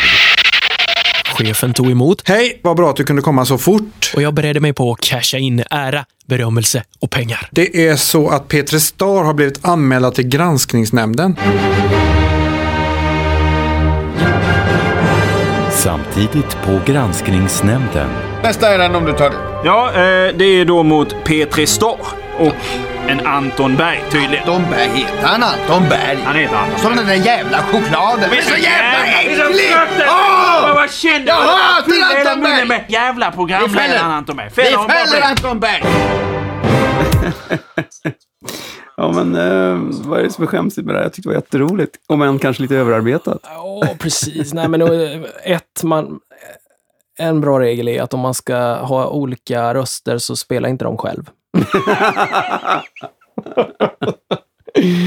Ja, nej, men det är långt och det är Fast det mycket. gör de ju i Simpsons. Ja, men de gör det bra också. Varför, varför ska jag drömma om paj? Jo, det är för att Homer Simpson gillar paj. Det är så dåligt manus där. Det är skit. Det håller ju inte alls. Gräv där du står. Ja, men, men, ja, men, han, eh, men Dan funkar ju Ja. hyfsat bra för att han är skittråkig och dålig. Men det är för att det verkligen är Dan Granlund. Liksom. Det, det funkar väl ganska bra. Sen är det de där lite...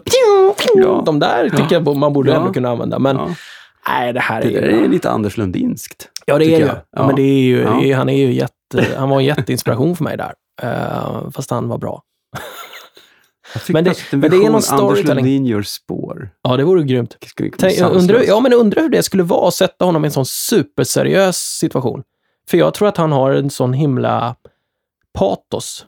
Så att han skulle han ju göra när det. han gör naturprogram är ju det Ja, inte eller på hur? skoj. Ja, Då är det på nej. riktigt. Ja. Även om han får in det så är det ju, och även tycker jag man kan även se det i Allt för Sverige, så Mm. finns det ju en, en som är ett feel program men det finns ju ett allvar i den också. Mm. Sam, ibland väldigt Men han hade den inte i Allsången. För där fanns Verkligen det där ironiska. Mm. P3. Det, han, det är som om Christian Luuk skulle göra Allsången. Funkar inte heller. Jo, men det är för att han har det här um, omedvetet. Han kan vara lite omedvetet distanserad. Jag tror inte han är det, men jag tror att han kan låta så. Och det tror Ja. jag Christian Luuk är likadan och även Annika Lantz. Ja. De har någon sorts eh, sätt att tala som i vissa lägen blir jävligt ja, avståndstagande fast det inte är det kanske. Och alla tre är ju sådana hjältar i min bok. Ja, ja, Eh, absolut, absolut. Men, och, och de funkar verkligen, i, Ja. har funkat som ikoner i P3, liksom, även på andra SVT-produktioner. Men allsången måste man bara liksom embracea med hela sitt jävla hull och hår. Kan jag. du göra allsången? Nej, verkligen inte. Jag kan inte sjunga för det första. Nej, men det måste man väl inte ha förstått. Ah, tveksamt, men jag... nej, nej för fan. Nej, det skulle inte gå. Jag, ehm, Nej, okej. jag har också blivit, i och med att jag har börjat den här grävande delen av mitt jobb, och, så har jag blivit tråkigare. Så jag Även, försöker, även privat? ja, Nej. jo, det, så att jag har... men jag måste vårda min lite knäppare sida. Ja. Du kanske att- ska plocka in Anders Lundin som sidospår kan det heta. Ah, ja. Sidospår. Fan vad roligt. Det skulle vara kul. Han fortsätter prata när ni har gått Ja, med, med, med den jätteintressant, men här... huvudvittnet. Ja, precis. Ja, ja. Så. Bilen går bra. Ja, jag fattar, fattar. Men, men har du hört den här plattan med... jag vill gå in lite på din bakgrund också. Du, jag vet att din mamma var bibliotekarie. Jajamän. Är det därifrån du har fått ditt, liksom, var du liksom, la hon fram spännande böcker som gjorde att du blev intresserad av undersökande journalistik? Och, Mm. Eller hur kom, hur kom du in på, har du det hemifrån det här? Det, det är ju någonting du brinner för känner jag hela tiden. Ja, det var ju inte så från början. Liksom. Det, det, var, liksom, det var en äh, jävla kick att få göra en P3-dokumentär. Det var roligt. Liksom. Så där var det ju en... Det ville jag ju verkligen göra. Men det var ingenting som jag hittat på. Det kom, det kom inte från mig. Liksom. Då var jag ganska sökande i mitt radio. Men du hade inte, det var inte så dokumentärkonsument då? Nej, det fanns ju knappt, höll på säga, radiodokumentärer på den Mm. tiden. Och, och tv, äh, det var ju det var mycket svårtillgängligare 2005. Liksom. Eh, Som vi faktiskt typ var igår, men det är ja, men det har hänt ja. så jäkla mycket alltså. Mm. med Netflix HBO och alla de serierna som nu... Alltså, The Staircase som kom 2004 som jag fick tips av Mm. 2006, den fick jag beställa på DVD från Australien då. Alltså det var helt... Mm. Så att, eh, det är klart att det har hänt mycket, men nej, men eh, mamma, jo, hon ligger bakom mitt läsintresse tillsammans med pappa, som var gymnasielärare i ryska, tyska och filosofi eh, innan han blev pensionär. Och det, jag har alltid gillat att läsa. Haft sådana enorma läsupplevelser till liksom fantasy och David Eddings till exempel, men fastnade som tur var inte i det träsket. Ha, ja, har alltid tyckt om en bra historia. Jag tänker. Det är nog historierna snarare som jag har dragits till. Mm. Sen har det här grävandet kommit när jag har... Ju fler Peter-dokumentärer jag har gjort och ju mer jag har lärt mig om journalistik på det sättet så... Ja, men jag, jag sa till min kompis BG Bodin någon gång, han, han, vi, pluggade, vi utbildade oss ihop och sen så blev han en av Sveriges bästa grävjournalister och har massa guldspadar och grejer. Eh, Jag sa till honom att, han sa vi borde göra någonting ihop någon gång. Så jag bara, nej men jag håller fortfarande på att lära mig, säger jag, hur man berättar en story. Sen ska jag använda det till något viktigt. Och det blev ju bra med Kaj Linna där. För att om inte jag hade fått jobba med Peter Dokumentär i tio år innan så hade jag kanske inte vågat ge mig på en sån grej. Liksom. Så att det har liksom smugit fram. Det har inte varit en färdig plan från början. Mm. Men allt det här som du nämner då med bibliotekarie och böcker och grejer. Och story, kärleken till en bra historia, liksom, den har ju alltid funnits där. Men radio, alltså... Vad, vad, vad pluggade du när du gick på, innan du liksom gick journalistik? Natur på gymnasiet. Ja. Men där stod det klart att det var egentligen samhällsämnena jag var bra i. Liksom. Mm. Svenskan Mm. och historia. Stora engelska religion och sådär. Du har ju det gemensamt med Anders Lundin också. Att ni båda två har lagt ner väldigt mycket arbete på att lära er spela gitarr, men misslyckats. Men han kanske har misslyckats lite bättre eller sämre än du då. Men du, Ja, jag är, jag är hopplös. det är så. Ja, men fan. Det är en sorg alltså att inte jag blev bra på det. Ser den här nageln också? Den förstörde. Ja, Ja, det är dumt. jag spräckte den eh, redan som treåring. Eh, men nej, det är bortförklaringar. Jag hade Ja. kunnat hålla på med ett plektrum. Liksom. Ja, faktiskt. Nej, jag var lat också, gillade inte att öva och jag, jag hade kommunala musikskolan, fick aldrig några coola låtar tyckte jag, men äh, hade jag verkligen Mm. brunnit för det där så hade jag väl lärt mig det där. Mm. Så jävla svårt är det ju inte. Men Jo, men det är det. Men sen ser- hade det hjälpt om jag hade haft en hyfsad sångröst också. Då hade man kunnat känna att ja, men fan, jag har åtminstone det här och så kan jag stödspela. Men nej, det är faktiskt jävligt tråkigt, för Ja. jag hade gärna varit artist. Alltså. Det hade varit Ja. roligt. Men det, vart ingen, det blev aldrig någon band och sådär? Du har inte spelat det? Nej. Får sätta ihop det nu då. Ja, jo, men jag säljer in mig själv jävligt bra. Jag, jag kan varken sjunga eller spela gitarr, men jag vill gärna vara med i ett band och jag vill vara viktig i bandet, så, så sätt mig inte längst bak. Cowbell. More cowbell. du vet han sången i Cowbell? Han som spelar koklocka är cowbell. Ja, det är lite som att en trummis sjunger är fortfarande lite rare. Jag kan vara han Ja. Cowbell som nästan sjunger. Ja, det finns en del Fleetwood Mac. Åh, Ja, så mm. bra. Ja, Fy Fan, de, de lyssnade, det var ett av de band jag lyssnade mest till. Det var roligt när jag skrev, för jag upptäckte att jag kunde lyssna på musik samtidigt som jag skrev. Aha. Eh, så har det inte funkat när jag gjort radio. Liksom. Inte ens när jag Nej. skriver manus till det. Men så här, Foo Fighters och ja, Springsteen i huskuren, men, men eh, jävligt mycket Fleetwood alltså. Det är inte nu jag ska berätta att jag var på Broadway och såg honom. Va? Har du gjort det? Ja. Hur mycket fick du betala för den biljetten? Nej, det var ordinarie pris. Det var 5000 eller? Mm, ish. Ja. Ja. Ja, Och då var det liksom, ja. Jag tyckte att det var fan det är svinigt dyrt. Och sen så har, på slutet har det varit lite svårare att älska Bruce tycker jag. Vi har växt ifrån varandra lite liksom. Eh, men när jag såg på Netflix, den Mm. showen, Mm. så kände jag, fan han är mer relevant än vad han varit de senaste tio åren här. Det var en fantastisk storytelling han håller på med där. Helt otroligt. Om För man jag sitter tio att- meter från honom så är det helt... 10 meter? Ja, men bara- Nej men dra, nej. Gå härifrån! Det var en liten teater. Åh, fan. Det var...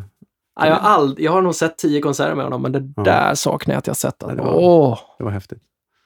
Alltså, jag saknar ju, jag har ju massa bootlegs från eh, 80-tal och lite 70-tal med honom. När han var som allra, allra bäst Mm. tycker jag. Då. Och jag fastnar ju väldigt mycket för, jag tycker att alla som någon gång har ambition att bli artist och som fortfarande är artist eller som tänker sig att jag sysslar överhuvudtaget med någonting som har artisteri att göra, de ska lyssna på Springsteens mellansnack från den tiden. Mm. För att mellansnack idag hos de flesta artister, det är en paus mellan man byter gitarr eller byter låtar. Och man tappar intensitet. Men Springsteen höjer istället med sitt mellansnack. Mm. Det är helt makalöst och Mm. jag har saknat det där de senaste konserterna för det känns som att han inte haft något riktigt budskap där att bygga mellansnack runt. På 80-talet var det liksom mycket, då hade han, det märktes att han utvecklades mycket personligen då i, i, i sitt artistskap också och som människa. Han läste, du vet, Född den 4 juli liksom Mm. och berättade om det mötet han hade med den författaren ibland. Eller jag läser, there's a book I read right now, Woody Guthrie, A Life. Och så berättar han om, och sen så kommer This land is your land. Och det bara ryser, du vet. Eller så berättar han om sitt jävla sjuka förhållande till sin pappa då. Hur han råkar ut för en motorcykelolycka. Hans pappa då passade på när han låg i typ halvt koma och klippa av Bruce det långa håret liksom. Och man bara anar den här avgrundssprickan mellan Bruce och hans pappa liksom. Det där är ju helt... Mm. Och sen bara så låter han bandet lägga några lite slingor i bakgrunden. Som höjer, som bara skapar en stämning. Och sen plötsligt så bara exploderar han i en låt Ja, men de efter det vibbar in varandra. Ja, så bra. Jag läste en intervju med Max Weinberg, trumslagaren där, att det finns en, ehm, det kom ju någon trippelplatta eller vad den hette för länge sedan som heter Live Mm. 75 to 85. Eller Mitt svar på Ja. vilken skiva du måste ta med dig till en öde om du bara får ta en. Ja, Då kommer jag undan med den, för det, allt finns på ja, den. Allt! Ja. Hela livet finns på den. För här, där pratar de, det finns ju, han spelar en cover där, han spelar ju War. Ja, what is it good for? Och då hade de bara jam, liksom gått igenom den i logen innan. Nej. Så här, ja men den går så här, men den andra tänker så här och så Ja. här. De känner varandra så bra så Ja. att de kan det här. Och så sa han, ja jag kommer att snacka lite innan. Och så sa han, eh, just watch my finger. och när man hör hur den börjar, när han pikar i pratet och Ja. den bara... Mm. Alltså de, de är där som en vägg Ja. direkt. War. Och då, är det, då tänker man, ja, och det här är första gången ni gör en live, ja. Ja, Det är Och- rätt häftigt. ja, det är det. Och jag tror inte att det är det vanliga sättet, de, för, för de repar jävligt mycket också. Mm. Men, men, men de, såklart, så mycket som de har spelat live så blir de ju så otroligt Ja. tajta. Jag har ju, där har jag ju ett scoop faktiskt. Du vet, som, som Springsteen-fan så vet man att det förekommer ju, folk håller upp skyltar. Ja.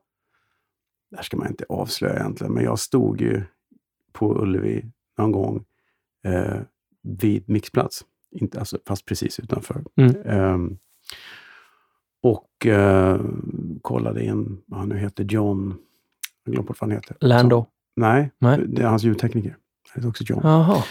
Eh, som gör, har gjort honom live de sista Mm. åren. Och eh, då stod jag där och så, så, så numera är det digitala häftiga bord som är programmerade med alla låtar. Och då ser man alla låttitlar. Då såg jag ju vilka titlar som kom upp. Mhm. Det, det, är roligt för de har ju ett, ett, ett, ett promptersystem mellan alla bandet och eh, crewet och sånt. Där det står vilken låt det är och vilken tonart det är. Mhm. För så att ingen ramlar in fel. Va? Mm. Eh, men där stod det ju redan vilken låt han skulle köra. Mm. han plockade upp en skylt. Det är nästan taskigt att avslöja. Ja, men då kan det. Då vill jag ändå invända att han har ju ett roligt system där han har koll på sina fans, Bruce. Och då Ja. kan det ju vara så att han har träffat ett fans på Grand Hotel kvällen innan och så har han sagt att okej, vilken är din favoritlåt? Ja, håller du upp den imorgon så kör jag den. Så det kan ju vara så att det kommer ändå från ett fan. Ja, ja, vill man ju kan kunna vara. tro. Ja. Sen är det ju också så att, ehm, ja, nej, men jag vet att han har jobbat sådär, för han har jobbat med några som kallas för Men in Black ibland. Där, där, där de har gått omkring till Bruce-fans och sagt att vad har du för biljett för konserten imorgon? Ja, och så bara, ja, ja men du har följt oss länge, jag vet det. Här får du. Så får man plötsligt en uppgradering. Mm. får man stå längst fram för att man är true Bruce-fan. Men han vill ju ha sådana. Han vill inte ha rika nissar som har köpt dyra biljetter. Nej, Det det fick är- han ju för sig på Broadway, men då är det ju rika nischer som faktiskt gillar honom. Mm. det Ja. kan finnas de med. ehm, Ja, shit, det här kan vi... Det blir säkert sjukt ointressant för folk att lyssna på när jag nördar ner mig om Bruce. Ja. Så vi behöver inte, men det var spännande med din inside där, ja. Det finns en grej i din bok som jag undrar över. Det finns ju ett kontor i berättelsen Ja. där man har hackat datorer och allting sånt. Men det är ingen som överhuvudtaget funderar på att det kanske är avlyssnat. Nej, nu kommer ljudtekniken in här. Jag bara- Mikrofoner, ja. Ja, Mm. det förekommer ju ingen fysisk avlyssning på Äh, det sättet. spännande, ja. Vad tänkte på det? Mm. Vad- Är det med flit eller tänkte du bara inte på det? Det kan du absolut inte Eh, säga att du inte Nej, alltså, ja, men grejen är att det är så roligt hur det där går i vågor ju. För att eh, läser man gamla Tintin-album så är det ju alltid dolda mikrofoner överallt. För det var så på den tiden. Det Mm. var liksom ett sätt vi lyssnade av varandra då. Det var ju myggor överallt. Och Ja. jag tror inte att man har slutat med det i och för sig, men, men sättet som man idag kollar, det är ju FRA alltså. Det är ju datatrafik. Mm. Så Ja, att och jag- så, så säger de att de lyssnar med tele, ja, de kan lys- lyssna via tele, mikrofonen i telefonen. Så tänker jag, Ja, just det. ja, men vem som har hört, har du någon gång hört en fickringning så vet du hur jävla bra de hör med den. ja, nu har vi statsministern. Liksom, Ja, nej men eh, jag var nog helt enkelt inne på att den här organisationen har steppat upp sitt digitala game. För jag kommer ihåg det här rapportavslöjandet med Ebbe Carlsson när han fastnade Mm. i tullen med Ja. mikrofoner. Där alla våra kollegor, man, man sitter och tittar med kollegor. Och vad fan, åkte de till England för att smuggla in den där skiten? Vi har ju mindre prylar än så här, hos oss. liksom. Ja. Varför snackar han inte bara med någon som jobbar med musikaler? Vi kan allt om trådlösa myggor. Liksom. Kom Just igen! det. Du har åkt till England och köpt någon skit och fastnat i tullen. Ja, det är sant. Nej, men man ska alltid vara kompis med ljudtekniker. Ja. Så är det. Ja. I don't know. Ja, nej, men eh, det var bara en eh, reflektion eftersom Ebbe Carlsson nämns också. Ja. ja, men jag tror att det har med tidsandan att göra. Vet du. Ja. De jobbar inte så längre. Nej. Du är på väg ut tyvärr. Ja. Du måste jobba digitalt. Känner du att det är någonting som jag har missat här? Om mitt liv? ja, precis. Ja. Ja, men hörru du, det var väldigt trevligt att du fick komma här och eh, det var väldigt trevligt att ha dig som föreläsare på podd masterclassen som det så fint hette också. Ja, Det var, du tycker det? Vad bra. Det är alltid svårt att veta hur det landar när man står där och pratar i två timmar om sig själv och ens egen ja, förträfflighet. egentligen så skulle det bli att se det utifrån för att vi hade ju, jag vet inte hur många, s- var väl sex olika föreläsare. Ja. Det var ju en, en, en sida som var typ du Alex Schulman. Och sen var det en sida som var Julia Julia och eh, eh, jag glömde bort vad hon heter, namn afasi. Men hon som är ihop med han som gör. Mm, just det. Della Q-tjejerna. Ja, precis. Mm. Och så han som gör Fördomspodden som är lite mittemellan där. Man Mm. har hela grejen från Julia och Julia som inte skriver manus. Typ den ena kommer på vad de ska, vilka ämnen de ska ha. De har aldrig träffat, de har inte ens kommit på det själva. De är ihoptutade. Ni ska göra en podd ihop. Mm. Och så sitter de och dricker vin och kör. Vad, vad föreläste de om i så fall? Ja, de pratade just om hur man eh, har kul. Ja, det var också, de hade aldrig de hade gjort förut, men hur man. De hade jättemycket sådana här dos and don't. Ja. Att man ska absolut inte tala om vad man heter. Och, alltså det här försnacket, det tycker man är värdelöst. Och det, det här, nej, absolut inte. Och jag vill inte höra det. hej. Man får fan inte säga hej. Och man bara, Mhm. nej, Mm. vi väljer hej. Vi kan bara börja istället. Och då kände jag, okej, tycker ni jag kände Mm, men så, Ja. men där var det så, efter att ha sett dig så var det så jävla roligt för att ni sitter med ett glas vin och gör det. Och sen kommer Alex Schulman då på, från andra sidan som säger att ja, måndagen och tisdagen skriver vi manus. Onsdagen spelar vi in eh, reklamgrejerna för de ska låta som att de är i programmet. Torsdagen ses vi och, så och, och, och, spelar in ett par timmar och tar om och så. Och sen så redigerar Sigge på kvällen och sen så får jag test och så har jag synpunkter och så tycker han kanske samma och så klipper han om och så på fredag och så fredag kväll så går det ut. Mhm. Fick ni se någon manus? Nej, det fick vi inte. Men han påstår det. Du menar att han du att Jag han... säger Ja, ingenting. nej, jag säger ingenting. Jag Ja. säger bara att, ja, ja, det... Ja. Du menar att det är en bra story också. Det är klart. Skulle man själv säga? Jag bara jammar. Det kan man inte säga. Eller hur? Ja. And with that I leave you. Jag tänker ju ställa den obligatoriska nu när vi sitter här och svettas här inne i bastun. Oh. Jag tänker inte spela med på det. Nej, fan. Det här blir spännande. Det här blir jävligt Nej, spelar inte med. Nej, för en gångs skull så sitter vi utanför bastun. Bara Ja, för det att det är- ändå är så varmt. Det är så varmt idag. Men eh, ja, då, är det, är så fånigt också. Det, det är 23 grader varmt i vattnet. Det är så här, ja, ska du bada? Nej, jag inte." Säger, jag frågar ju alla, tänker du bada? Mm. Vågar du bada? Jag vill ju ha jättevarmt för att bada. Ja, det är ju... 25 vill jag ha. Okej, okej. Vi får se. Ja, Eh, jag kanske gör ett ljudkollage som illustrerar ditt bad. Ja. Det kommer här.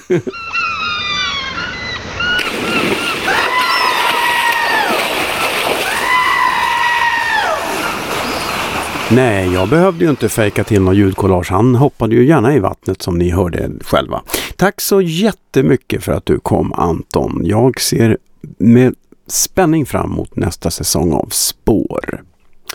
Bastusnack eh, sponsras av eh, Tylö Helö Bastu. På tylö.se så hittar du precis allt du behöver för den ultimata bastuupplevelsen. Infrabastu, ångbastu, elbastu och eh, vedeldat. Allt finns. Valet är ditt. Tylö.se är adressen. Jag kan ju eh, passa på att nämna också nu så här i efterhand att vi, vi talade ju bra mycket längre om Bruce Springsteen än vad ni hörde just i denna podd. Jag funderar faktiskt på till och med att göra en liten specialpodd eh, med bara Anton och David pratar Springsteen för nördar helt enkelt. Tills dess får ni nöja er med eh, Bastusnacks eh, Facebook-sida och glöm nu inte att prenumerera på Bastusnack i er poddapp. Uh, ja, det var allt för den här veckan. Vi hörs igen om en vecka eller två. Till dess, är basta försiktigt. Bastusnack.